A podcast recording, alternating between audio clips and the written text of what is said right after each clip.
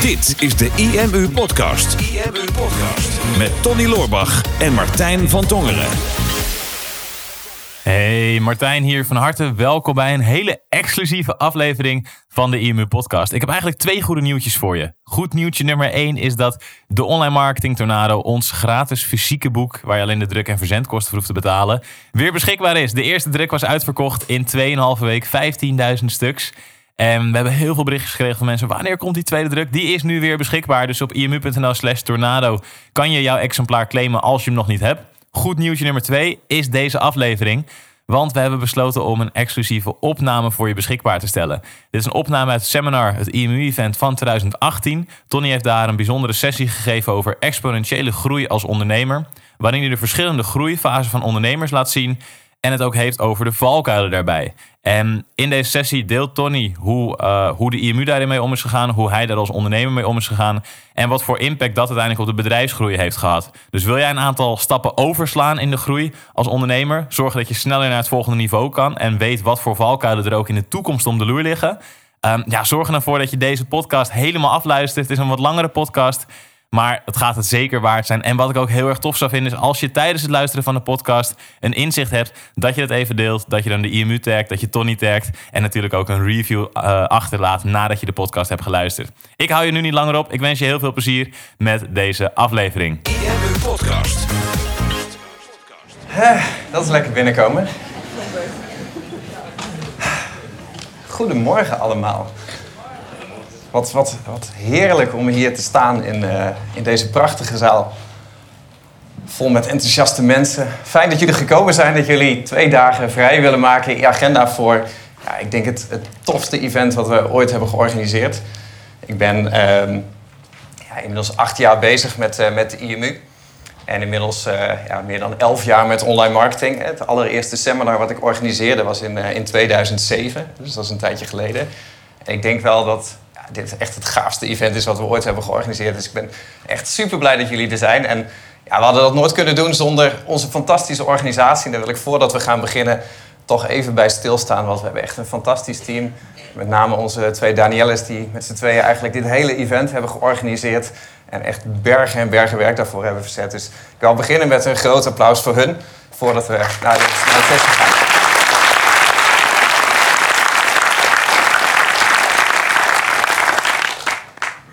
Top. Nou, en als we toch bezig zijn, vind ik het ook wel fijn dat we even contact met elkaar maken. Dus uh, ik wil je vragen om allemaal even te gaan staan.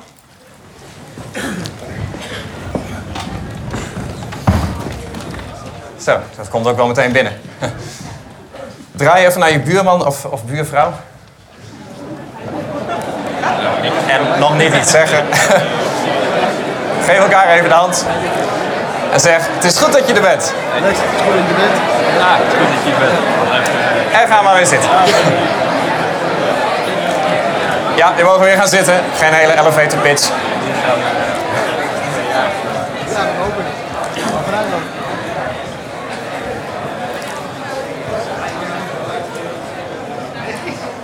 En ga allemaal maar weer zitten. Zo, jullie zijn uh, enthousiast. In principe dacht ik, laat alleen even zeggen, wat goed dat we er zijn. Maar jullie beginnen meteen je hele autobiografie aan elkaar te vertellen. Nou, daar gaat, daar gaat tijd genoeg voor zijn. We gaan uh, twee dagen gaan we een prachtig avontuur aan met elkaar.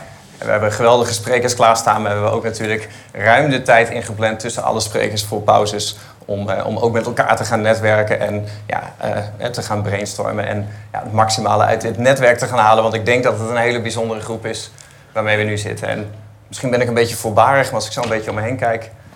Ik denk wel dat dit ook echt de, de beste groep is die we tot nu toe hebben gehad.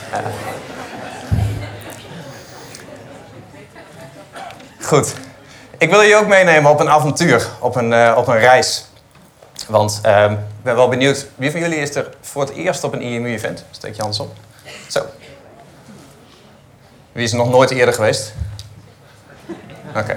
even kijken of dat dezelfde zijn. Wie was er vorige keer ook bij? Kijk, top, anderhalf van de zaal. Nou, voor de mensen die er vorige keer bij waren, dat is wel een beetje jammer, want ik ga namelijk precies hetzelfde vertellen als vorige keer.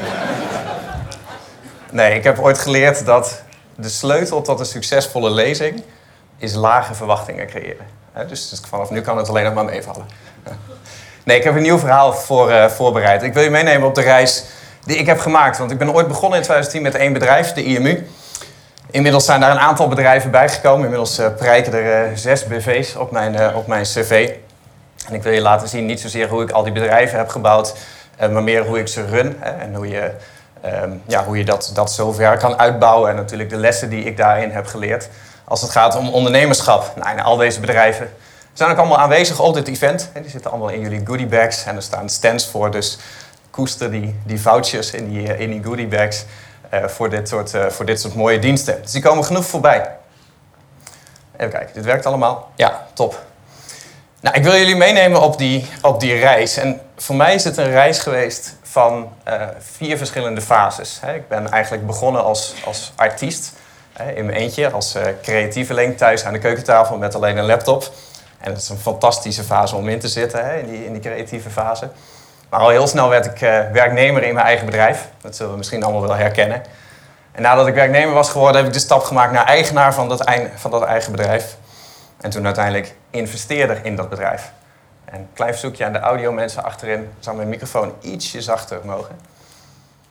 Want anders dan word ik helemaal gek van mijn eigen stem eh, in mijn hoofd. Dat is niet aan mij, dat eh, ligt al wel bij jullie genoeg, denk ik.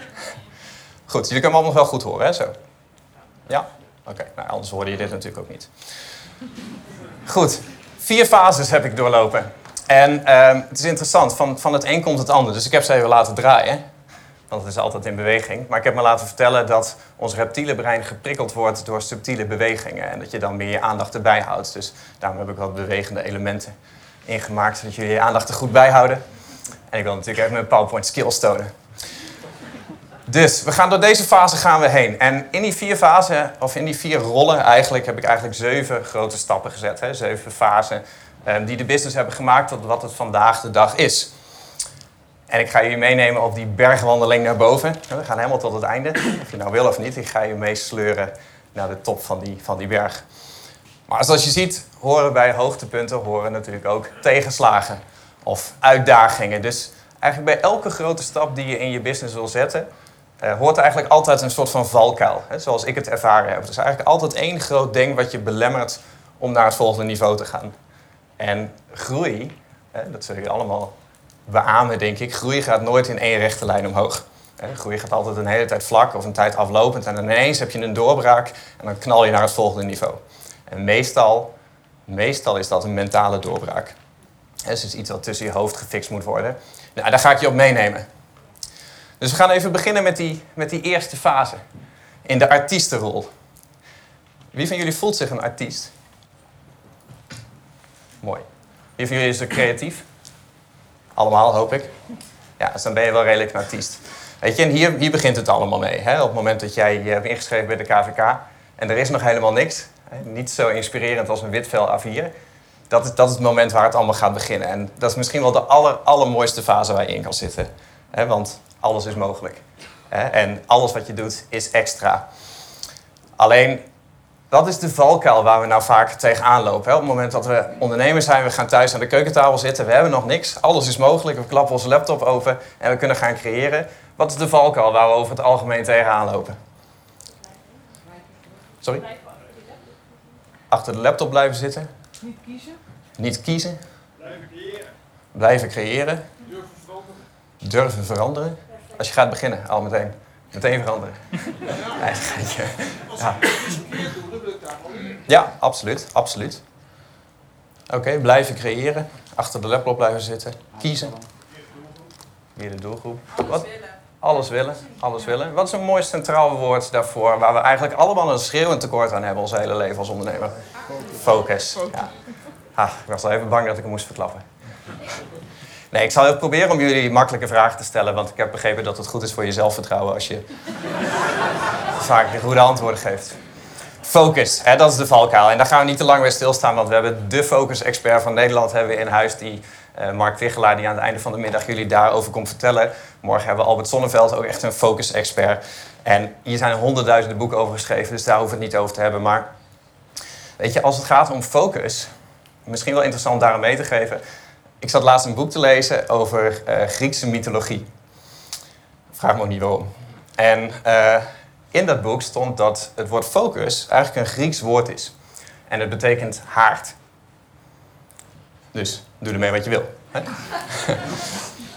maar haard, omdat ehm, dat een beetje het centrale punt in je huishouden is. Hè, tegenwoordig is dat dan de televisie, maar vroeger, toen we nog geen televisie hadden, was het de haard. Hè? Dat is eigenlijk waar, waar alles omheen gebouwd is. Hè? Dus het warmtepunt in het midden, dat is, dat is, dat is waar de energie zit. Hè? Dat is waar het, waar het vuur zit. En ik denk dat, dat dat vuur ook meteen mooi gezien kan worden als het vuur is. Ik heb het mannetje maar even een fakkeltje gegeven. Die focus die gaan we meenemen naar boven. Want die heb je eigenlijk in de hele route heb je die nodig. Nou, dan gaan we een stukje naar voren. Cool, hè? Ik had eigenlijk wel een klein applausje verwacht hierbij, maar... Oké. Dank jullie wel, dank jullie wel. Ja. God, ik ben hier een week mee bezig geweest om dat voor elkaar te krijgen. Dus we gaan een stapje naar boven. En daar komen we wel heel snel uit bij een niche. Hè? Op een gegeven moment, als we het toch over vuren hebben, op een gegeven moment heb je het licht gezien. En dan denk je van, oké, ik moet gaan kiezen. Ik moet iets specifieks gaan doen. En weet je, ook als het gaat om licht, hè, waar is licht het sterkst? Is dat in de woonkamer? Of um, is dat hè, in een zoeklamp bijvoorbeeld, zoals er nu op mijn hoofd staat? Of is dat bijvoorbeeld in een laser, hè, waarmee je echt door metalen heen kan snijden? Het is allemaal licht, maar het is in verschillende sterktes. En je ziet daar al bij licht dat zodra het meer geconcentreerd wordt, dat het veel en veel sterker wordt. En dat is waar alle ondernemerschap mee begint. En zeker online marketing. Weet je, online kan je het echt niet permitteren om te breed te zijn, om naar iedereen te praten. Weet je, als je alles doet, is alles belangrijk en dan is eigenlijk niks belangrijk. Dus het gaat om keuzes maken. Maar wat is de uitdaging als je met die niche aan de gang bent? Hè? Dus je hebt je keuze gemaakt, je zit lekker thuis, je hebt, je hebt een website opgezet, je business gaat lopen, je eerste klanten komen binnen, je gaat werken, je moet je eerste verplichtingen voldoen. Waar zit de valkuil? Waar lopen we allemaal tegenaan? Verveling. Oh, dat heb ik nog nooit meegemaakt. Heb je een verkeerde business? Je zit in financiën, toch? Ja, dat snap ik het wel. Nee, ik kom uit een boekhoudersfamilie. En die zitten ook allemaal in de zaal, dus ik moet een beetje uitkijken. Waar lopen we allemaal tegenaan als we eenmaal lekker aan de slag zijn? Schreeuwt u maar. Tijdtekort. Uitstel. Komt in de buurt. Uitstel.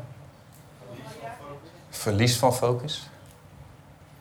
Nou, het komt in de buurt. Ik heb hem uitputting genoemd. Want, weet je, als ik kijk naar mijn, mijn eigen ondernemerscarrière... en eigenlijk van alle ondernemers die ik ken... Weet je, ondernemers werken zo knetter, knetter hard. Zeker in die beginfase. En dat wil helemaal niet zeggen dat werknemers ook niet hard werken... maar je weet gewoon als ondernemer dat het uh, aan het einde van de middag niet stopt. Zeker als je net bent begonnen. Hè, er worden avonden gemaakt, er worden weekenden gemaakt. Je gaat naar weken van 80 of soms 100 uur en je bent niet te rammen. Je gaat maar door, je gaat maar door, je gaat maar door. En daar zit een hele grote valkuil. Hè, dat, je, dat, je, dat je uitgeput raakt. En daar moet je eigenlijk overheen komen. En ja, wat is nou een perfecte manier om daar overheen te komen? Ik vergeet een klein stukje, ik ga er even tussendoor gooien. Want het deed mij een beetje denken, um, dit principe, hè, dit probleem aan een uitspraak in online marketing en dat heet the money is in the list. dat staat voor het geld zit hem in je mailinglijst. Dus de nieuwsbrief die je hebt. En er wordt vaak gezegd hoeveel te groter die lijst die je hebt. dus te meer mensen je kan bereiken met je marketing en dus te meer geld je gaat verdienen. Maar de wat slimmere marketeer, die zegt the money is in the relationship with the list. Het gaat niet om de grootte van die lijst, van hoeveel mensen je volgen. Het gaat erom wat voor band jij met die mensen op die lijst hebt. Je kan beter 100 mensen hebben waar je heel close mee bent, die in principe alles lezen wat jij online zet, die alles kopen wat je aanbiedt, dan dat je duizend mensen hebt die nagenoeg niet geïnteresseerd zijn. Dus dat is al effectieve marketing. Dan gaat het, gaat het alweer om het specifieke. Maar ik dacht, je kan hem uitbreiden naar de to-do-list. En vaak denken we als ondernemer, en dat is waar die uitputting van komt, dat het geld in je to-do-list zit. Want we hebben allemaal ideeën en ja, nu gaan we weer naar een seminar. We zitten twee dagen in de zaal met elf sprekers. Die alle elf hun allerbeste technieken gaan delen. Dus als je die allemaal gaat opschrijven, want ze zijn allemaal waardevol. En je kan ze allemaal gebruiken om je business groter te maken. Dan krijg je een hele volle to-do-lijst. En dat is wat we als ondernemer vaak hebben. We blijven maar verzinnen en we blijven dat op die to-do-lijst zetten. Terwijl het geld zit hem helemaal niet in die to-do-lijst. Het geld zit hem in de relatie die jij hebt met die to-do-lijst van alles wat er op die to-do-lijst van jou staat. Zijn dat dingen die echt bij jouw business passen? Zijn dat dingen die voor jou nou echt de meest logische volgende stap zijn om je business uit te gaan breiden? Zijn dat dingen die vandaag per se moeten? Of kunnen ze volgende week, of kunnen ze volgende maand, of kunnen ze volgend jaar, of misschien ooit, of misschien helemaal niet? En het is zo ontzettend lastig voor ons om, om dingen weg te laten. Maar wat er vaak gebeurt is, we gaan bijvoorbeeld naar een seminar als deze. En dan, eh, dan hoor je een tip. Bijvoorbeeld eh, een, een zoekmachine optimalisatietip, hè, of een conversietip, of een neuromarketing, of, of, of wat dan ook. En dat schrijf je op, op je to-do-lijst van jezelf.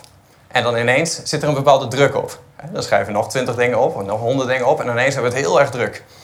En dan blijven we maar doorgaan en doorgaan. En als we dan gevraagd worden van hoe gaat het met je? Ja, ik ben hartstikke druk. Maar ik denk, ja, waar komt dat door? Omdat je zelf die to-do-lijst hebt gevuld. Want voordat je het had bedacht, bestond het helemaal niet en had je het niet druk. Dus dat is heel raar. En er zijn zo ontzettend veel trainingen voor het beter indelen van je to-do-lijst. En A-taken, B-taken, prioriteiten en dat soort dingen. Maar het gaat erom dat er in eerste instantie alleen maar dingen op die lijst zouden moeten staan die jij ook echt moet doen. In plaats van alles wat potentieel extra is voor je business. Nou, en dat is denk ik een van de punten waar de meeste ondernemers al heel erg tegen botsen. Hè? Dat ze zichzelf veel en veel, te werk, veel werk opleggen. Dat ze alles tegelijkertijd doen, dat alles belangrijk is. En als alles belangrijk is, dan is eigenlijk niks belangrijk. Dus daar moeten we doorheen. Dan gaan we naar de volgende fase. Want wat is de oplossing daarvoor? Schalen. Op het moment dat jij eh, een hele specifieke business hebt opgezet, en je zit eh, lekker thuis en je hebt je eerste klanten, je hebt je klantenservice, je hebt je eerste inkomsten, maar je hebt ook je eerste verplichtingen. Dan is het zaak dat je in die hele business gaat kijken van wat doe ik nou eigenlijk allemaal en hoe kan ik datgene wat nou echt voor mij werkt, hoe kan ik dat gaan opschalen? En dat is een hele moeilijke. Want wat er vaak om de hoek komt kijken is uh, je eigen verliesaversie.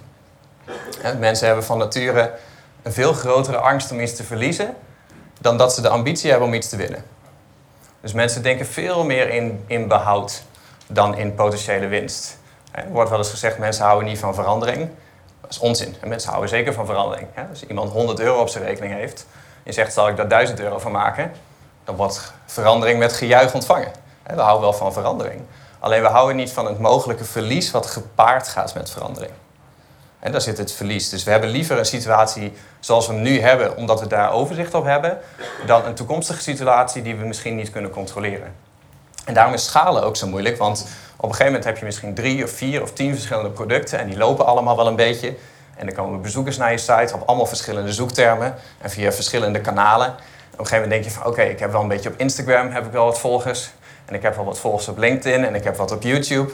En ik heb wat op Facebook en er komen wat bezoekers uit Google. En ik heb wat advertenties op Facebook draaien. En ik heb wat advertenties in Google AdWords draaien. En ik heb nog een paar partners die wat bezoekers naar me toe sturen. Van alle kanten komen allerlei mensen aan. En aan al die mensen verkoop je allerlei verschillende producten.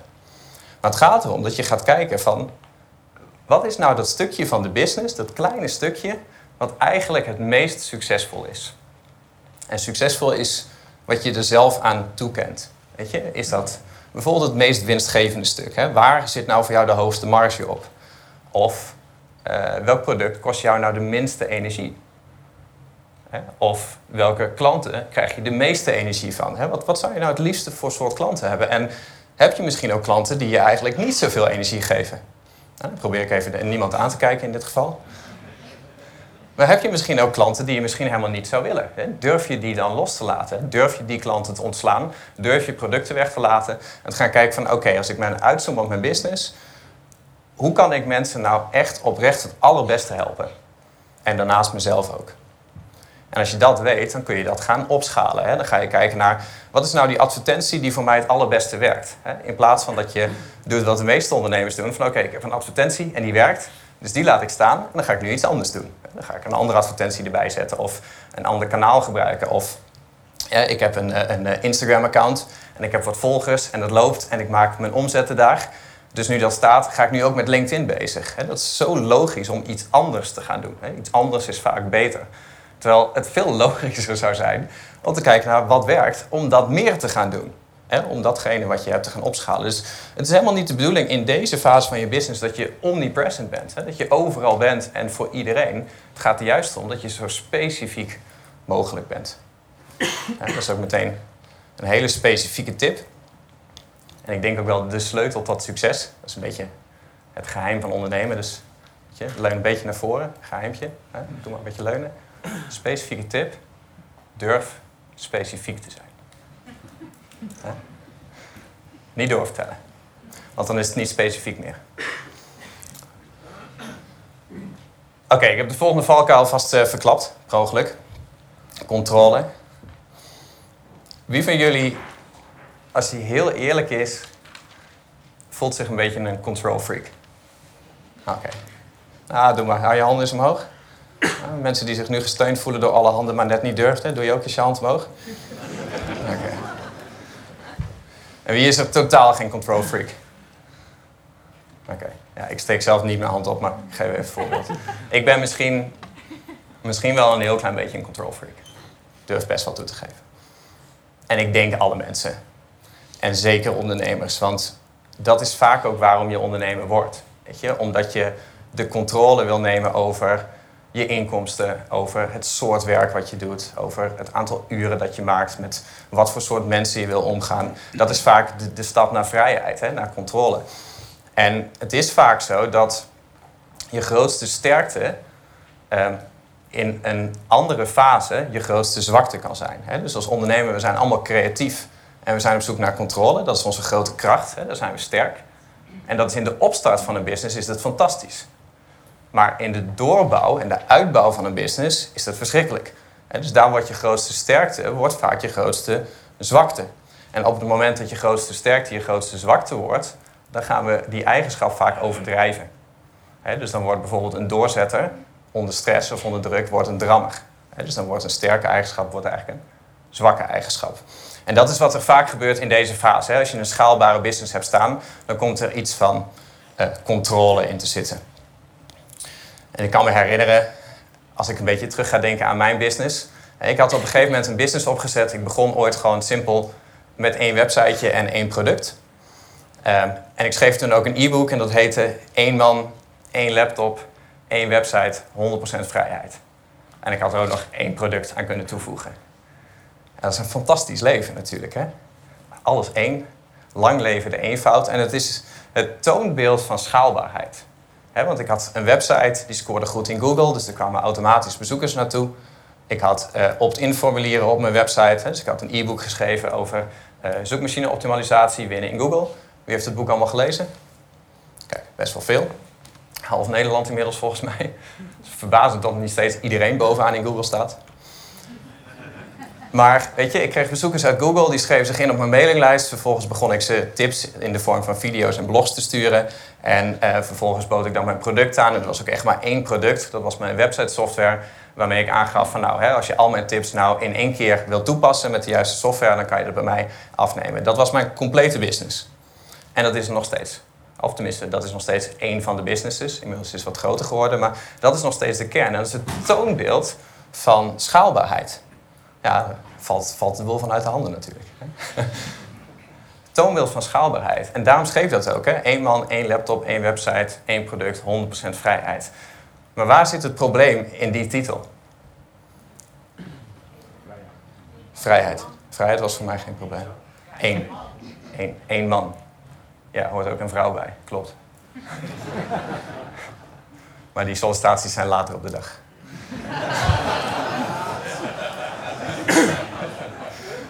Eén. Het gaat om, het gaat om één. Weet je, één is een mooi getal, maar het is een getal wat je niet al te veel in je business wil hebben. want, want als alles op één is gebouwd, dan is het geen business. Weet je? Dan is het geen bedrijf, dan is het een onderneming. En er zit een heel groot verschil tussen een onderneming en een bedrijf.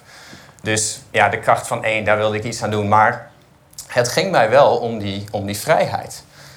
En voor mij voelde het, en ik denk dat dat bij mij eigenlijk altijd zo is geweest, al van, van, van kind af aan, dat voor mij voelde het altijd een beetje, en ik denk dat dat ook heel erg actueel is voor deze generatie, dat elke vorm van verantwoordelijkheid voor je gevoel gepaard gaat met een indamming van je persoonlijke vrijheid.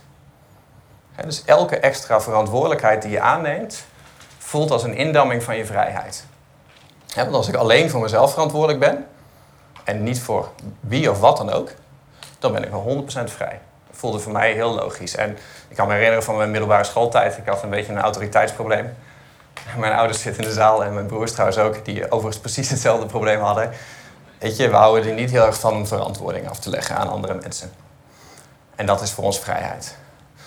Alleen, op een gegeven moment was het 2013 en ik ging naar, uh, naar Rossum toe, naar uh, Albert Sonneveld, die morgen ook zal spreken. Ik had hem toen net gevraagd of hij mij wilde gaan coachen, want ik dacht, weet je, elke ondernemer heeft een goede coach nodig. En ja, marketing, dat snap ik wel, voor mijn gevoel. Dus ik hoef niet een marketingcoach, want dan raak ik alleen maar in discussie. Ik wil juist een coach die mij op een ander front coacht dan waar ik zelf sterk ben. dus iemand die anders is dan ik. En Albert, ja, 30 jaar psycholoog, uh, ja, magisch hoe hij in 20 minuten tot de kern kan komen. Dat zul je morgen ook zien. Dus ik was naar hem toegegaan met de vraag van, kun je mij coachen?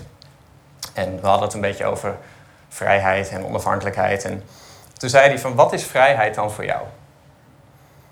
Nou, ik denk, daar heb ik al een goed ingestudeerd antwoord voor. Dus vrijheid voor mij is kunnen doen wat ik wil, wanneer ik het wil, zo vaak ik het wil, zonder daarbij enige vorm van verantwoording af te hoeven leggen aan iemand anders. Dat is een mooie, toch? Top, niks meer aan doen.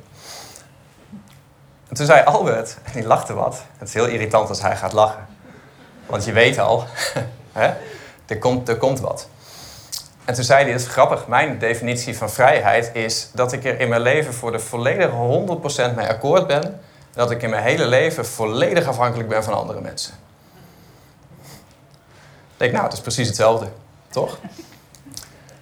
Want hij zei van, weet je, kijk nou eens om je heen. Hè? De stoel waar je in zit, de kleren die je aan hebt, het eten wat je in je maag hebt, de kennis in je hoofd, de normen en waarden die je zijn aangeleerd, het sociale netwerk wat je hebt, de vliegvakantie die je net hebt gedaan. Alles komt door andere mensen. mensen kunnen niet zonder andere mensen. En het is een misvatting om te denken dat zodra je je losmaakt van andere mensen, dat je uit contact raakt, dat je dan vrij bent. Onafhankelijkheid wordt vaak geassocieerd met vrijheid. Terwijl in onze kern zijn mensen zijn groepsdieren. Wij kunnen niet zonder andere mensen. Dus het bekende Ubuntu-principe van de Ubuntu-software. Ze hebben een slogan en vrij vertaald betekent dat een mens wordt pas mens door andere mensen. Als je een pasgeboren baby verstoken laat van menselijk contact, van fysieke aanrakingen, dan overleeft die baby niet.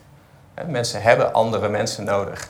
En op het moment dat je je losmaakt van al die mensen en je trekt je helemaal terug op je eiland en je houdt alles in je eentje vast, dan betekent dat niet dat je onafhankelijk bent. Dan betekent dat alleen maar dat je er helemaal alleen voor staat. En ik kan je uit ervaring vertellen dat daar geen voldoening zit. Er zit geen vreugde, want het maakt niet uit hoeveel omzet je boekt als je dat met niemand kan delen. Het maakt niet uit hoeveel succes je hebt als je dat met niemand kan delen.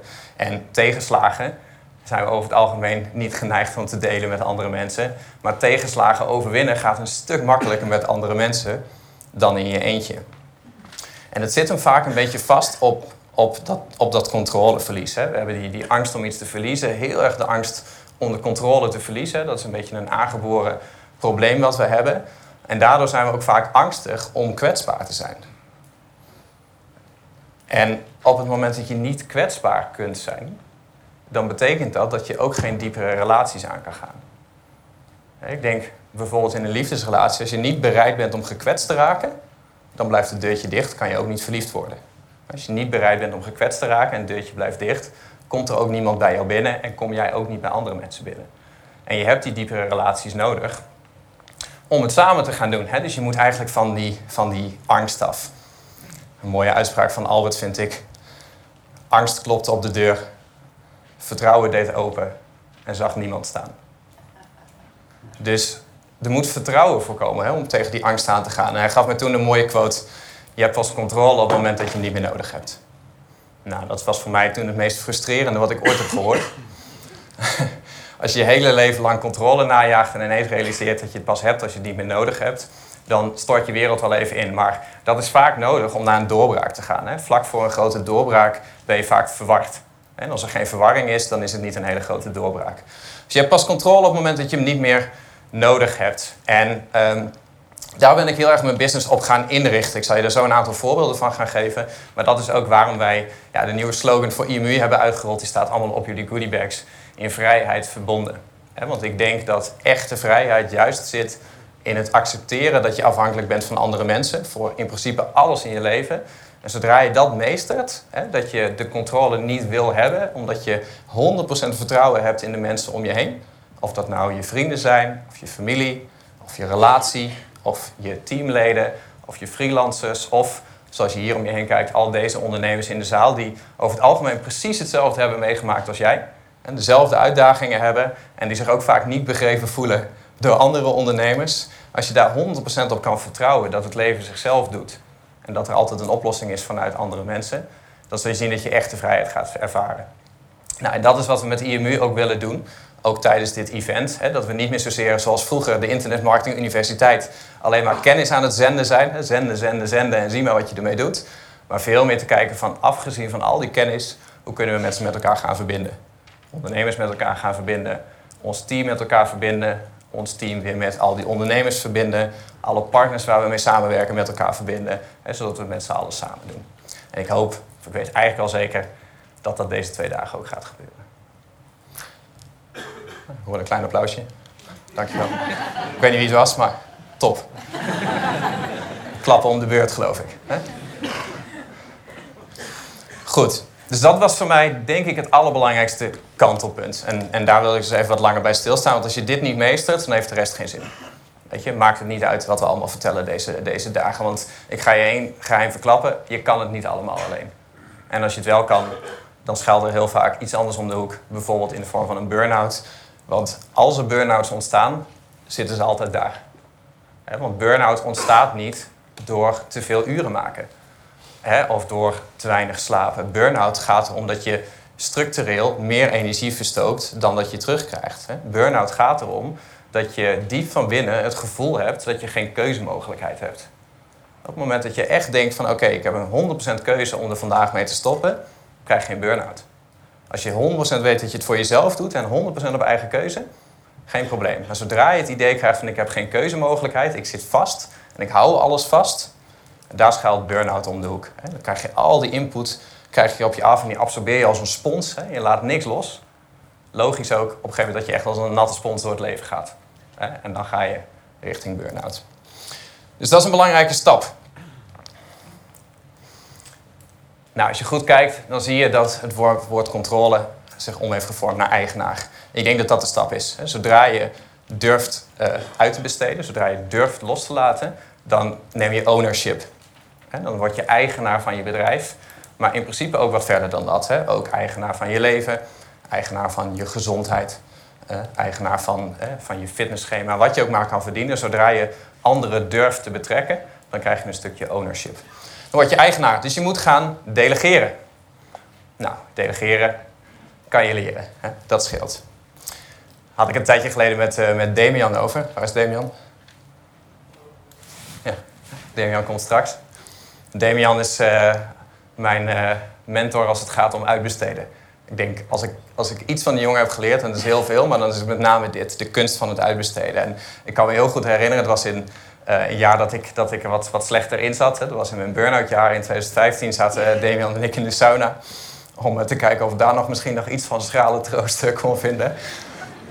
en en ik zei toen tegen Damian, want Damian was allemaal aan het vertellen. Hij zei, weet je, ondernemen is investeren. En je moet uitbesteden. En ik besteed dit uit en ik besteed dat uit. En het ging hem allemaal zo makkelijk. Ik denk, jezus man, hoe doe je dat allemaal? En toen zei ik tegen hem, van ja, weet je Damian, het voordeel wat jij hebt... is, is dat je in principe niks kan.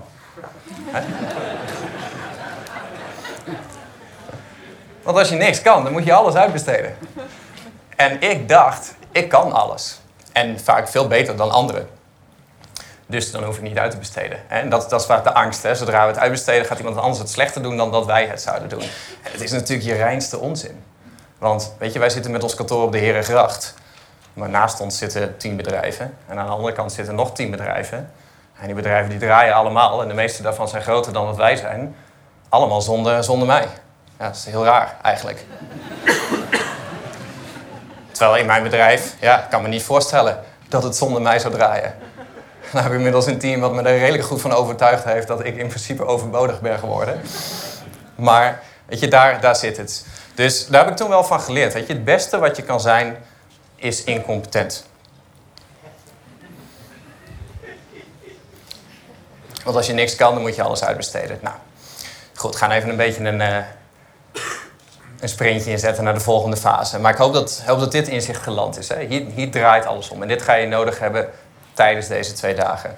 Maar weet je, als je gaat uitbesteden, op een gegeven moment kun je er een sport van maken om te zien van wat zou ik allemaal kunnen uitbesteden in mijn business. Ik zie het een beetje als puzzelstukken. Eigenlijk mijn business, dat is het begin. En mijn business, dat is niet mijn producten en eh, mijn personeelsbestand of het pand wat we huren. Weet je, de, de business is eigenlijk dat stukje verdienmodel wat voor jou werkt. Van wat je nou daadwerkelijk doet. En die business in het midden, dat kan letterlijk één pagina zijn. Toen ik begon met ondernemen in 2010, toen bestond mijn hele business uit één salespagina. Eén witte pagina met zwarte tekst en een grote rode kop. En een aanbieding. En een week nadat ik gelanceerd had, bestond mijn hele business uit een witte pagina met erop één zin: de aanbieding is verlopen. Dat was mijn business. En dat is een business, want, want het werkt. En vervolgens ga je kijken van hoe kan ik dat wat werkt dan gaan schalen. En misschien met andere mensen, want je kan alles uitbesteden. Je, boekhouding kan je uitbesteden. Daar heb ik daar gelukkig een uh, broer voor. En anders nog ouders met allemaal administratiekantoren. Maar dat is een van de eerste dingen die je kan gaan uitbesteden. Net zoals distributie. Hè? Als je fysieke producten verkoopt, kan je distributie kan je gaan uitbesteden met fulfillmentpartijen en weet ik veel wat allemaal. Maar zo kan je steeds verder gaan. Want wij gingen op een gegeven moment bijvoorbeeld ook een stukje klantenservice uitbesteden hè, aan uh, Busyphone. Die voor ons de telefoon opnemen. Het is gewoon een extern bedrijf. En als je nu naar ons nummer belt, dan krijg je een dame aan de lijn die zich voorstelt als die en die van de IMU. Uh, maar dat is een extern bedrijf die voor ons het telefoonverkeer afhandelen. Hè. Dus dat hebben we buiten de deur hebben we dat gedaan. Maar zo zijn we bijvoorbeeld ook gaan kijken naar debiteurenbeheer. Normaal deden we zelf altijd herinneringen, aanmaningen versturen, brieven printen. Nou, dan wachten we weer een half jaar. Dus dan gingen we weer na een half jaar eens een keer iemand een brief sturen van... hey, had je gezien dat je je product nooit betaald hebt? Nou, werkt natuurlijk niet. Zijn we dat gaan uitbesteden bijvoorbeeld aan Paid. Paid is een software, die sluit je op je boekhoudsoftware aan... en dan gaat alles ineens volledig geautomatiseerd. Alle herinneringen, alle aanmaningen, alle incasso-procedures en al dat soort dingen... helemaal uit je zicht, gaat helemaal vanzelf. En die zijn bijna al onze facturen zijn betaald... Terwijl we hiervoor hadden we echt openstaande posten van heb ik jou daar. Dat ging echt om, tonnen aan openstaande bedragen. En nu zijn we gewoon bijna helemaal met een gesloten boekhouding. Om het buiten de deur te gaan doen. Hetzelfde met bijvoorbeeld advertising. Uh, Facebook adverteren. Ik weet, als ik een advertentie online ga zetten... dan is die ongeveer 12 keer zo duur als wanneer uh, Chris dat gaat doen. Chris was voormalig werknemer bij mij. Was verantwoordelijk voor de Facebook advertising. Met hem ben ik een nieuw bedrijf gestart in Facebook advertising. Als ik het door hem laat doen, dan gaat het en veel beter... En ik heb er helemaal niks mee te maken. Zo hebben we ook onze Google AdWords bijvoorbeeld uitbesteed aan Invest Online. Dat hier een bedrijf is wat zich specialiseert in AdWords. En zij richten voor ons ook onze analytics in. En daar meten ze al onze uh, uh, uh, website, websiteverkeer voor ons. Dan hebben we nog meer. Content en SEO. Hè. Content kan je allemaal zelf schrijven, maar je kan het ook laten schrijven. We hebben bijvoorbeeld CopyRobin, is ook aanwezig op het event vandaag. kan je gewoon content inkopen. SEO, we kunnen een zoekwoordonderzoek kunnen we inkopen en dan kunnen we naar een schrijver toe gaan van we willen dat er over deze woorden kwalitatieve artikelen geschreven worden en dat dat op onze website wordt gezet. Weet je, zo kan je in principe alles uitbesteden, zelfs sales. We zijn dat in 2017 gaan doen, merkten dat we heel veel lead aanvragen kregen van mensen die we niet op konden volgen omdat we niet de tijd hadden om ze allemaal te bellen. Dus hebben we de jongens van Salespassie ingeschakeld, wat toen nog geen Salespassie was, uh, maar toen waren het gewoon de jongens. En uh, die zijn toen voor ons al die nummers gaan bellen om ons product aan te bieden en dat op commissie te gaan verkopen. En daarmee trokken ze gewoon 200.000 euro extra omzet binnen in een jaar van leads die wij anders nooit hadden opgevolgd. Uh, niet geheel onlogisch dat ik met hun ook een nieuw bedrijf ben gestart, Salespassie, waarmee we dat nu weer voor andere ondernemers doen. Dus je kan koning uitbesteden worden. In principe kan je een hele business uitbesteden. Kijk, muzikaal intermezzo. Nou, ik heb daarvoor vier P's opgesteld. Vier P's van het delegeren. Ten eerste de partners. Hè. Dat is wat ik net eigenlijk liet zien. Ik raad je aan om in eerste instantie te kijken van wat kan ik allemaal buiten de deur doen. Hè, dus dus niet, niet intern, maar waar zijn bedrijven nou echt in gespecialiseerd dat ik het wegdoe, dat ik het ook echt helemaal kwijt ben. Dat, dat, is, dat is de grootste rust die je kan hebben. Dat je iets niet op de werkvloer aanwezig hebt, dat het helemaal buiten je omgaat en dat je alleen maar stuurt op resultaten.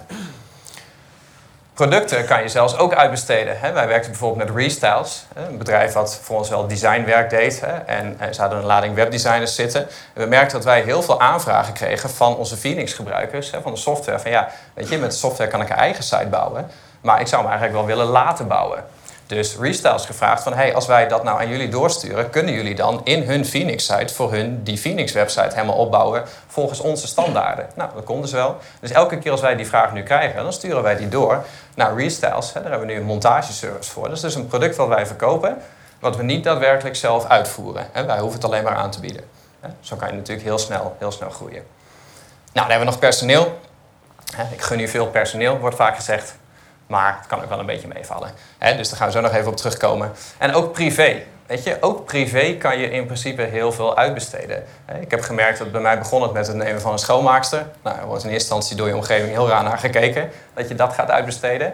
Maar waarom zou je die tijd zelf investeren als je daar een structuur in kan bouwen en je dat kan laten doen? En zo ben ik steeds meer gaan kijken. Hè. Op een gegeven moment ging ik niet meer naar de supermarkt, maar liet ik Albert Heijn elke keer het eten bezorgen.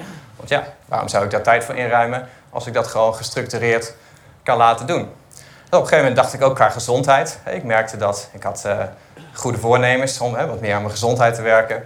En ik dacht, ik koop een slow juicer. Hè, dan ga ik allemaal gezonde sapjes en zo maken. En ik had eh, Danielle gezien die dat doet. Hè. Die eh, doet dan de hele vriezer vol met allemaal sapjes voor de hele week. Nou, dat is me ook ongeveer een dag gelukt. En toen had ik geen zin om het apparaat steeds schoon te maken. Dus gezondheid uit de deur. Maar ja, dan ga ik googlen. Ik denk, ja, kan ik dat niet uitbesteden? Nou, er zijn gewoon diensten voor die jou gewoon een doos met ingevroren slow juices toesturen. En dat gewoon als een abonnement één keer per maand doen, zodat je elke dag zo'n slow juice kan gaan drinken. Weet je, je hoeft nu nooit meer over na te denken. Volledig uitbesteed. Net als met sporten, hè, met fitnessen. Ik ben er in 2016 mee begonnen. Naar personal trainer gegaan. Michael zal ook in de zaal zitten, ergens. Daar zo, kijk. Naar Michael toe gegaan. En met hem ook gewoon toen de deal gemaakt van ja, weet je, ik wil gewoon drie à vier keer in de week sporten. En dat is voor mij ook het eerste wat er in mijn agenda staat. En mijn agenda is helemaal blanco voor heel 2019. En het eerste wat erin komt zijn die sportsessies. En daar bouw ik in principe omheen. En dat is voor mij een bepaalde standaard geworden. En daardoor dus ook iets waar ik nooit meer over na hoef te denken. Want ja, van mijn wilskracht moet ik het niet hebben. Weet je, als wij een afspraak hebben, s ochtends om 10 uur. En Michael appt mij van, hey, kun je een half uurtje later? Eh, en ik zit al zo'n beetje op de fiets en ik heb de hele dag niks te doen. Dan is mijn eerste impuls van, oeh, dat komt me wel een beetje slecht uit. Dan kunnen we het beter niet door laten gaan vandaag. Weet je, dat is, dat is mijn impuls. Dus daar moet je niet aan toegeven. Daarom moet het, daarom moet het uitbesteed zijn. Hè? Dan, dan gooi je het buiten je eigen wilskracht om. Dus wordt koning uitbesteden. Nou, eens even kijken, hoe ver zijn we? Ja, top. Eén grote valkuil wel bij als het gaat om uitbesteden. Weet je, als je op een gegeven moment heel veel partners aan het werk hebt die dingen voor je overnemen. Je hebt producten samen, je hebt personeel in dienst, je hebt heel veel privé dingen uitbesteed. De grote valkuil waar ik wel eens ingetrapt ben en waar heel veel ondernemers achter komen, is abdicatie. Een soort van troonsafstand. In plaats van dat je zegt van uh, ik besteed dit stukje van mijn business besteed ik uit. En dan ga ik die persoon helpen om dat goed uit te voeren en om dat uit te bouwen. Hebben we heel vaak zoiets van, nou zodra we dan die blokkade hebben gebroken hè, om uit te besteden, dan willen we er ook in één keer helemaal vanaf. Dus denk ik van, nou schuif het allemaal maar weg. Dan zijn we er helemaal klaar voor. En dan laten we het helemaal los. En dat is wat we vaak doen met uitbesteden, is dat we uh, niet zozeer bijvoorbeeld één specifiek stukje van onze business willen uitbesteden. Bijvoorbeeld dat we zeggen van, nou, we gaan nu alleen maar de Facebook advertising uitbesteden. Of we gaan alleen maar de sales uitbesteden of alleen maar de boekhouding. Dat we ineens zeggen van we schuiven onze hele business schuiven in één keer naar iemand anders toe. En laten we het helemaal los. En dan is het heel gek, maar dan gaat iemand anders, die gaat het dan niet precies net zo doen als dat jij het deed. Dat is zo raar. Dat als jij dan jarenlang aan iets gebouwd hebt en het steeds geoptimaliseerd hebt, acht jaar lang, en je geeft het dan aan iemand anders die daar geen weet van heeft, dat diegene het dan niet exact net zo gaat doen als jij. Dat vind ik zo gek. Dat is gewoon heel ongelooflijk. En dat is wel wat er vaak gebeurt. Hè? En dan ineens schrikken we ervan en denken, oeh, het is nu niet meer mijn business. Hè? Het gaat heel anders dan dat ik het deed, dus ik haal het allemaal maar weer terug. En ik heb een trauma, ik hoef nooit meer personeel, ik hoef nooit meer een freelancer, ik kan niemand meer vertrouwen en ik ga alles weer zelf doen. Dus je moet geen troonsafstand doen, je moet zorgen dat je het binnen de perk houdt. Want je krijgt wat je tolereert. Als je helemaal niks tolereert, krijg je ook niks. Hè? Maar als je alles tolereert, mensen met kinderen in de zaal zullen dat weten, dan krijg je ook alles. En dan krijg je ook een heleboel dingen die je liever niet wil. Dus het gaat erom dat je kaders schept. Nou, en daar kom je overheen door in systemen te gaan denken. Dus zodra je die stap hebt gezet dat je durft los te laten, aan wie dan ook, dan gaat het er wel om dat je systemen hebt staan waarbinnen die mensen kunnen werken. En wij hebben dat in onze business bijvoorbeeld gedaan door eh, met wekelijkse meetings te werken. We hebben elke week hebben een marketing meeting, we hebben een support meeting, we hebben een softwareontwikkeling meeting. Nou, zo hebben eigenlijk voor elk stukje van het bedrijf hebben we één vast moment waarin besproken wordt van nou, wat is het resultaat van de afgelopen week en wat worden de doelen voor de komende zeven dagen. We werken bijvoorbeeld ook met Scrum. Of tenminste, nou durf ik eigenlijk geen programmeurs aan te kijken bij ons. Want die lachen allemaal waarschijnlijk. Van nou, hè, we doen een poging tot Scrum, toch Douwe? We doen een poging tot Scrum. Weet je, het moet groeien. Waarin we ook gewoon wekelijkse sprints maken. Hè? Dus waarin we wel precies aangeven van dit is wat er gaat gebeuren. En we kijken ook constant terug van wat is er nou gebeurd en wat kunnen we daarvan leren. Dus je laat het niet helemaal los, maar je gaat coachen in plaats van dat je het van je af gaat schrijven. Hè? Dus mooi gezegd van ik gooi het over de schutting, maar daar is nog nooit iemand beter van geworden. Hè? Je gooit niet iets over de schutting. Je loopt even om de schutting heen en je komt het brengen en je geeft het netjes af. Hè? Je begeleidt iemand. Waar je dan alleen wel voor moet waken, de volgende valkuil, is het rood-witte afzetlint. Prachtig is dat. We hadden vroeger met de familie hadden we een eh, evenementenbedrijfje. We hadden een hele grote, grote ballon, een grote heliumballon van eh, 7 meter diameter. En als je dan vol helium deed, dan ja, ging die omhoog. En dan deden wij er een paar touwen aan, zodat hij niet verder dan 50 meter omhoog ging. En dan hingen we daar iemand onder in een parachutehangers. Het klinkt heel vertrouwd dit. En als wij het touw dan loslieten, dan schoot diegene omhoog naar 50 meter. Super vet. En als we niet moe genoeg waren, dan trok ik hem ook weer naar beneden. Hè? Daar is het voor mij allemaal begonnen. Ehm, en als wij dan zo'n evenement gingen opbouwen, het eerste wat we deden was het terrein afzetten. En daar waren we heel fanatiek in. Dus we hadden altijd van dat rood-witte afzetlint. En dat haalden we uit Duitsland, weet ik nog heel goed, want dat stond namelijk op de doos Super Absperrband. Stond erop. Ja. En dan voel je je echt sterk hè, als je zo'n rood-wit lint hebt. Je krijgt een beetje zo'n klarover effect. Van nou, ik heb iets van autoriteit gekregen, dus nu ga ik dingen afzetten. Ja, dan komen mensen daar niet meer bij komen. En dat gebeurt in je business gebeurt dat ook. Hè. Zodra je mensen gaat aansturen, dan krijg je dat klarover effect. Hè. Dan ga je ehm, mensen heel anders aansturen dan dat je zelf aangestuurd zou willen worden. Dan ga je dingen inkaderen. En dan ga je tegen mensen zeggen van, weet je, ga hier maar zitten. Doe dit vooral allemaal wel en doe dit vooral allemaal niet. En ik ga je alleen corrigeren op eh, de dingen die niet goed zijn, daar geef ik je straf voor. En de dingen die wel goed zijn, daar geef je een compliment voor. Maar dan kader je het zo erg in dat je op een gegeven moment alleen nog maar armen en benen in dienst hebt. Maar wat je wil, zijn niet armen en benen, maar je wil hersenen en harten in dienst. En daar zit een heel groot verschil. Dus het betekent dat je ook daar, eigenlijk dat stuk wat je geleerd hebt over controle loslaten en vertrouwen, dat je dat, omdat het jezelf geholpen heeft, dat je dat ook moet doorgeven aan de mensen die met jou gaan werken.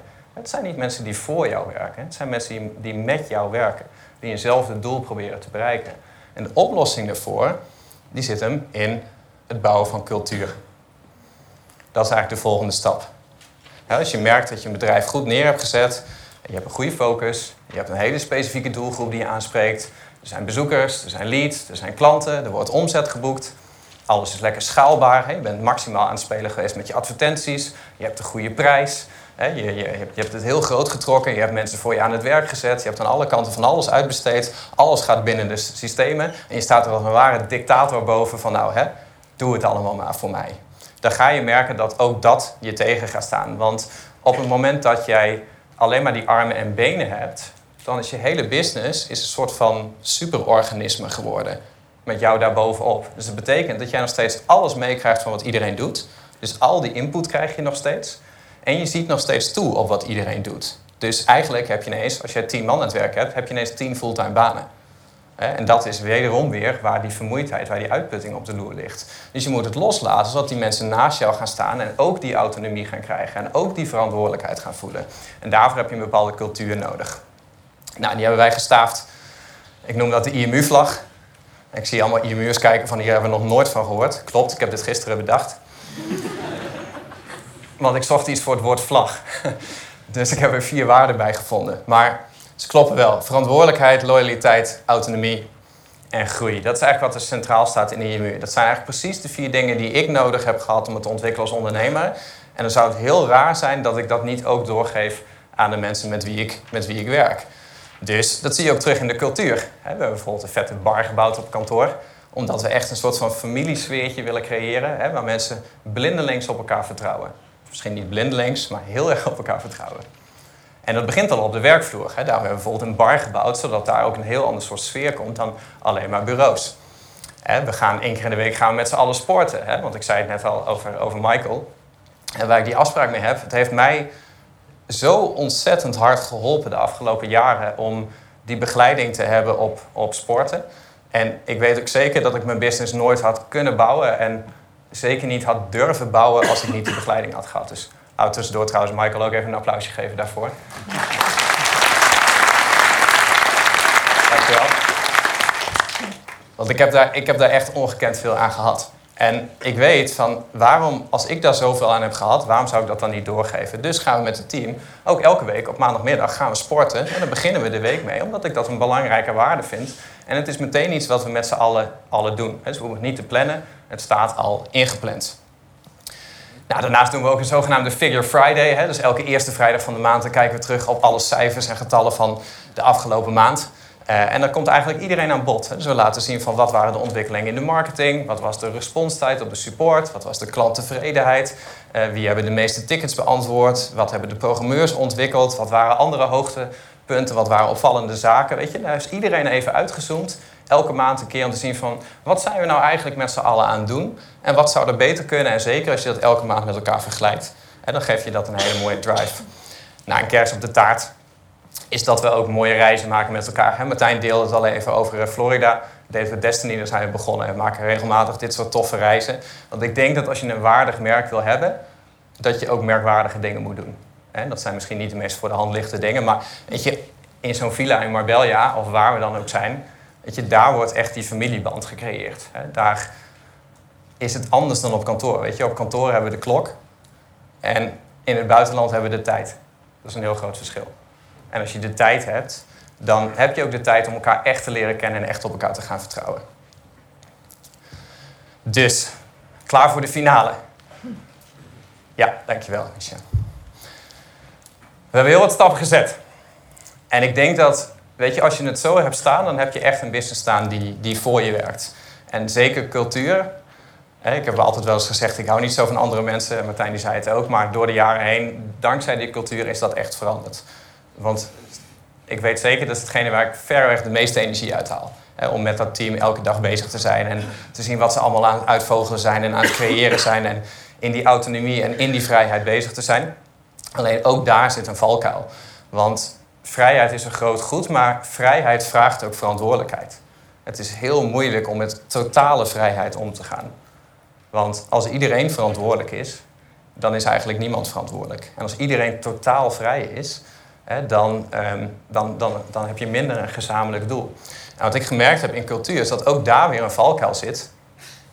En die zit in een stukje erkenning. Kijk, op het moment dat jij een team hebt staan, en of dat nou personeel is, of freelancers zijn, of partners waar je mee werkt, alles wat je uitbesteed hebt, mensen die je bij, daarbij betrekt. Zodra mensen niet meer alleen maar doen wat jij zegt, maar zelf gaan creëren en zichzelf laten zien, dan gaan ze boven zichzelf uitstijgen.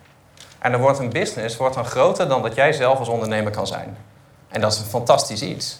Maar als jij de enige bent die daar de erkenning voor krijgt, dan gaat dat schuiven, dan gaat dat botsen in het team. Dat wil je niet. En dan kan je niet meer rustig slapen omdat je constant denkt van... zouden mensen wel het idee hebben dat ze genoeg beloond worden? Zouden mensen uh, niet het idee hebben dat ze te hard moeten werken? Hè? Zijn ze wel tevreden genoeg? En ik heb geleerd, succes zonder voldoening is het absolute falen. Dat is een les die ik echt kei en keihard heb geleerd. Een paar keer in de afgelopen acht jaar. Succes zonder voldoening is het absolute falen. dan heb je zo hard gewerkt, heb je er zoveel voor gegeven. En als je er dan geen voldoening uit kan halen, dan is het nog zwaarder dan wanneer je het überhaupt helemaal niet had gedaan. En dat is niet alleen bij jou zo, maar dat is bij alle mensen om je heen zo die voor jou werken of die met jou werken. Dus wat ik heb gedaan, is ik heb mijn business iets aangepast. Zijn dus een aantal bedrijven ontstaan hè, vanuit, uh, vanuit de IMU als basisbedrijf. Inmiddels zijn het uh, zes BV's. En in al die BV's heb ik uh, partners, dus compagnons. En de meeste daarvan zijn voortgekomen uit mijn eigen personeelsbestand, om het zo maar te noemen. Martijn begon ooit als klant, werd klantenservice medewerker, werd manager en uiteindelijk werd hij compagnon bij mij in de IMU. Kijk bijvoorbeeld naar Huddle met Alex. Alex werkte ooit voor ons als programmeur. Heeft een super gaaf systeem gebouwd. Dat systeem zijn we gaan vermarkten. Hebben we samen een BV voor gestart. Chris werkte ooit voor mij als eh, Facebook advertising specialist is dat ook voor anderen gaan doen. En daarvoor zijn we samen een nieuw bedrijf gestart. Dus we creëren extra businesses. En vaak stroomt het door. Zelfs in Phoenix. Phoenix hebben we nou losgehaald. Wordt een losse BV. En de programmeurs, Dennis en Douwe, die gaan vanaf 1 januari participeren in die BV. Dus die gaan ook de stap van werknemer naar mede-eigenaar, naar ondernemer maken. En dan zie je dat ook daar weer naar een next level gaat. En wat je dan krijgt, is een beetje de kunst van het laterale denken als je daar los van komt. Dus ik heb gemerkt door op al die bedrijven eigenlijk een sturende persoon neer te zetten, die verantwoordelijk is voor de operatie en alle dagelijkse zaken. Daardoor ben ik pas echt losgekomen van die dagelijkse waan van de dag. En ga ik anders denken. En we noemen dat het laterale denken. En lateraal denken is eigenlijk het principe van iets kan niet, punt. Maar laten we eens gaan fantaseren. Wat als het wel zou kunnen? Hoe zou dat dan gaan? Bijvoorbeeld, dit jaar zat ik thuis. Ik zat in mijn uitgezoomde modus en ik dacht van ik wil eigenlijk mijn SEO opvoeren. Ik wil meer gratis bezoekers naar mijn website gaan krijgen, want we bloggen te weinig, het staat een beetje stil en het zal wel harder aangetrokken zijn. Dan ga ik denken van oké, ik wil het einde van het jaar wil ik twee keer zoveel gratis bezoekers uit Google hebben. Dat is mijn eerste impuls, dat kan niet. Oké, parkeren we even. Wat als het wel zou kunnen? Hoe zou dat dan gegaan zijn? Stel dat het een sprookje was. Wat hadden we daar dan voor gedaan? Ik denk van oké, als ik zelf ga bloggen, gaat hem niet lukken. Daar heb ik de tijd niet voor. En dan zou ik fulltime moeten bloggen tot het einde van het jaar en dan ben ik er nog niet. Dus de werknemer zijn in mijn eigen bedrijf werkt niet. Nou, dan ga ik kijken naar de volgende laag. Kan ik het uitbesteden? Kan ik het bij mijn team neerleggen, bijvoorbeeld, bij mijn personeel? Dan denk ik, ja, als ik kijk naar onze systemen, past het eigenlijk niet binnen, gaat te veel tijd kosten. Ga ik kijken van, oké, zouden we het extern neer kunnen leggen, bijvoorbeeld bij partners?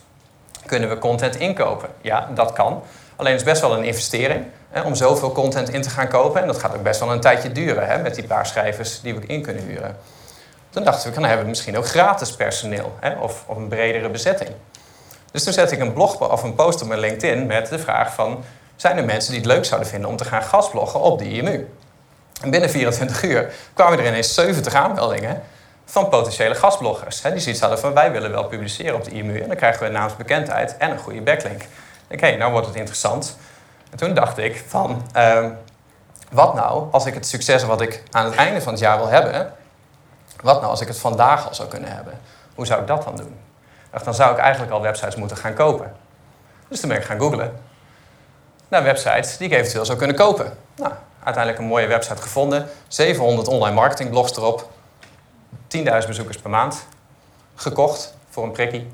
Ik zal, het hier niet noemen, maar het is verbazend voor hoe lage bedragen je complete websites kan kopen als de eigenaar er geen doel voor heeft of geen verdienmodel. Dus ik koop een totale website met 700 blogs. Ik importeer ze in de IMU. eh, waardoor we van de IMU ineens van 300 blogs naar 1000 blogs zijn gegaan. En dus in één keer 10.000 bezoekers per maand erbij krijgen. Maar die content gaat elkaar ook allemaal versterken. Waardoor we eigenlijk ineens keer twee gaan vanuit het niets. Nou, en dat soort gedachten kan je alleen maar hebben als je helemaal uitgezoomd bent. Dat noemen we het laterale denken. En daarvoor moet je eigenlijk uit de waan van de dag, of in ieder geval bijvoorbeeld één of twee dagen in de week blokken om dat te gaan doen. Goed, wil ik hem afsluiten met het volgende, want we zijn begonnen met deze vier fasen. Ik ben begonnen als artiest, de creatieveling. Vervolgens werd ik werknemer in mijn eigen bedrijf. Toen ik daar uitstapte en leerde uitbesteden, werd ik eigenaar van mijn bedrijf. En toen ik daar uitstapte en boven de bedrijven ging hangen, ben ik mezelf meer als investeerder gaan zien. En een investeerder, het is grappig, is eigenlijk een beetje hetzelfde als de artiest. En je komt weer in, in je normale rol. Hè? Dus je gaat nadenken over, als ik nou een artiest ben, wat is nou dat ene ding waar ik nou echt goed in ben? Hè? Waar ik nou echt het verschil kan maken? En investeerder is niet geld investeren of bedrijven kopen of alle Shark Tank. Investeerder betekent simpelweg dat je de mindset hebt dat je als een investeerder naar jouw business kijkt. Ook als dat er maar eentje is. En dat je kijkt van, als ik nu zou moeten verkopen, wat is dan de verkoopwaarde? Wat, wat zijn mijn KPI's? Heb, ik mijn, heb ik mijn cijfers op orde? En met name worden alle resources die ik tot mijn beschikking heb, worden die goed verdeeld? Dat, is, dat is hoe je daarnaar kijkt. En omdat je helemaal niks meer met alle operatie te maken hebt, ben je dus eigenlijk weer de artiest en hoef je alleen maar te creëren en het bedrijf alleen maar vooruit te gaan duwen. Dus die twee die werken heel goed samen. Vond ik een mooie uitspraak van uh, Michelangelo, kwam ik tegen. Every block of stone has a statue inside it, and it's the task of the sculpture to discover it. En ik denk dat daar een beetje de kern zit als het gaat om ontwikkeling. En we hebben het denk ik, deze, in deze tijd, in deze generatie, we hebben het allemaal zo ongelooflijk ingewikkeld gemaakt met elkaar. Met, met al die input die we krijgen vanuit het internet. Al die prikkels, al die, al die input, al die ideeën, alles wat er mogelijk is. We zijn de meest vrije generatie ooit. En door al die mogelijkheden weten we het eigenlijk niet meer. En daardoor wordt het heel erg ingewikkeld.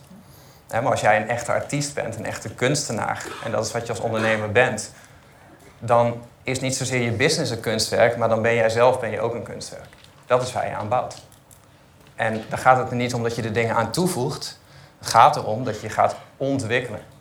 Dus dat je het minder ingewikkeld gaat maken. Dat je teruggaat naar de kern. Dat alles wat er aangegroeid is, alles wat aan je hangt, alles wat aan je trekt, alles wat je vasthoudt, dat, dat je dat loslaat. Dat je helemaal teruggaat naar die kern van wie ben ik nou en waar ben ik nou het meest van toegevoegde waarde als ik gewoon doe wat ik doe.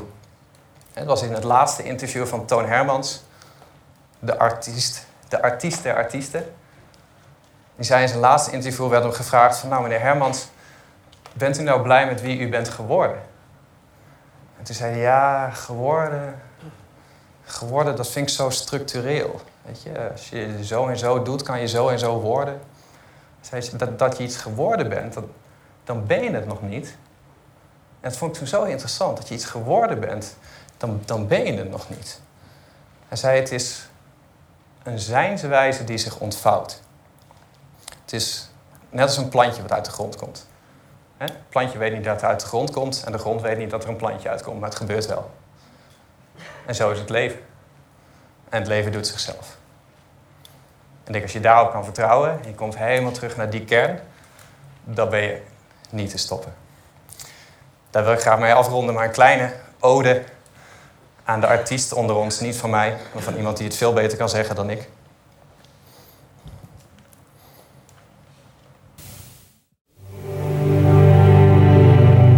Here's to the crazy ones, the misfits, the rebels, the troublemakers, the round pegs in the square holes, the ones who see things differently. They're not fond of rules and they have no respect for the status quo. You can quote them, disagree with them, glorify or vilify them. About the only thing you can't do is ignore them because they change things. They push the human race forward. While some may see them as the crazy ones, we see genius. Because the people who are crazy enough to think they can change the world are the ones who do.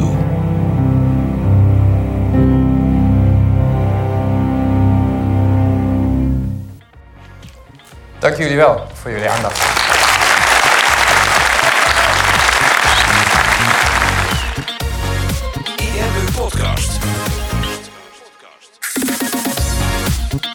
Super tof dat je hebt geluisterd naar de IMU podcast. Ik hoop dat je dit waardevol vond en dat je er inzichten uit hebt kunnen halen voor jezelf en voor je eigen business.